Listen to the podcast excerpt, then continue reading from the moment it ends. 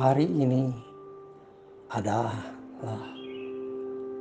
Sabtu sunyi. Marilah kita mau menghayati spiritualitas Sabtu sunyi. Saudaraku yang kasih, Tuhan Yesus sudah mati di kayu salib sesuai dengan pengakuan iman kita bahwa Tuhan Yesus yang menderita sengsara disalibkan, mati, dan dikuburkan, turun ke dalam kerajaan maut. Bila saat ini, sebelum besok hari Paskah, kita marilah kita merenungkan ada dua ayat yang penting. Satu, saya akan baca dari pengkhotbah pasal 7 ayat 2. Pergi ke rumah duka lebih baik daripada pergi ke rumah pesta. Karena di rumah dukalah kesudahan setiap manusia adalah orang yang hidup memperhatikannya.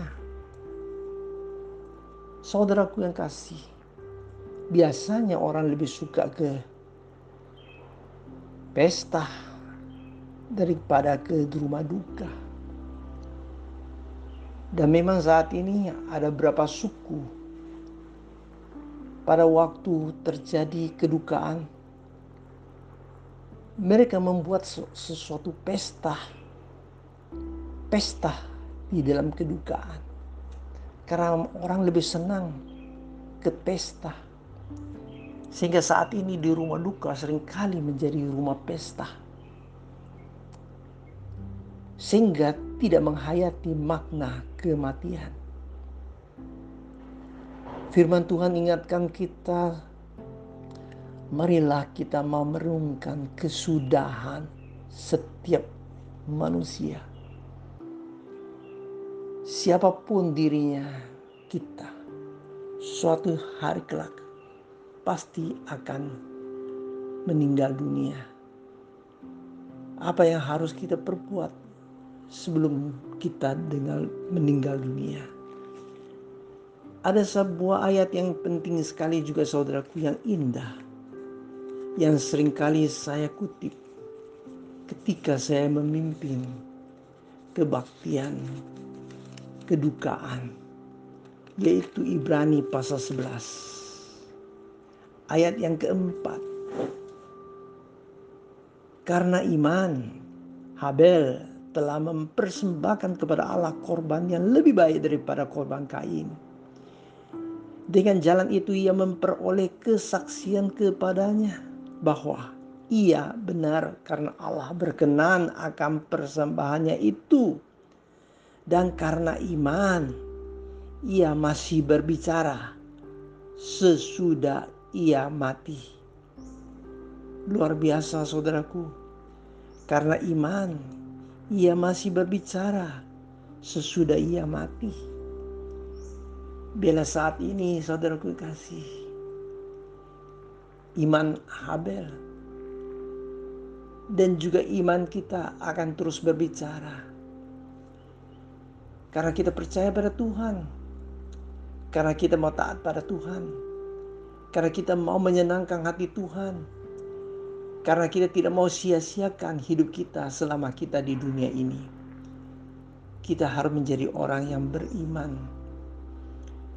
Kita harus menghayati makna kematian itu. Terutama kematian dari Tuhan Yesus Kristus. Bila hari ini kita mau mengheningkan cipta bagi Tuhan Yesus. Biarlah bukan Tuhan Yesus sendiri yang mau meninggal dunia. Dia mati karena kita. Besok dia bangkit juga karena kita. Marilah hari ini kita menghayati makna kematiannya. Tuhan Yesus sudah turun ke dunia orang kematian yang gelap karena tidak ada terang yang sunyi senyap karena tidak ada suara burung, tidak ada suara nyanyian. Saudaraku kasih, itu sesuatu keadaan yang sungguh-sungguh berbeda dari dunia orang hidup.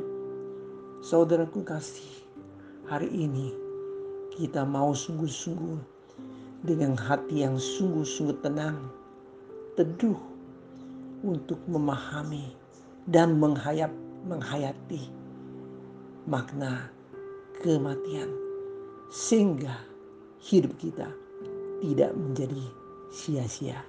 Amin.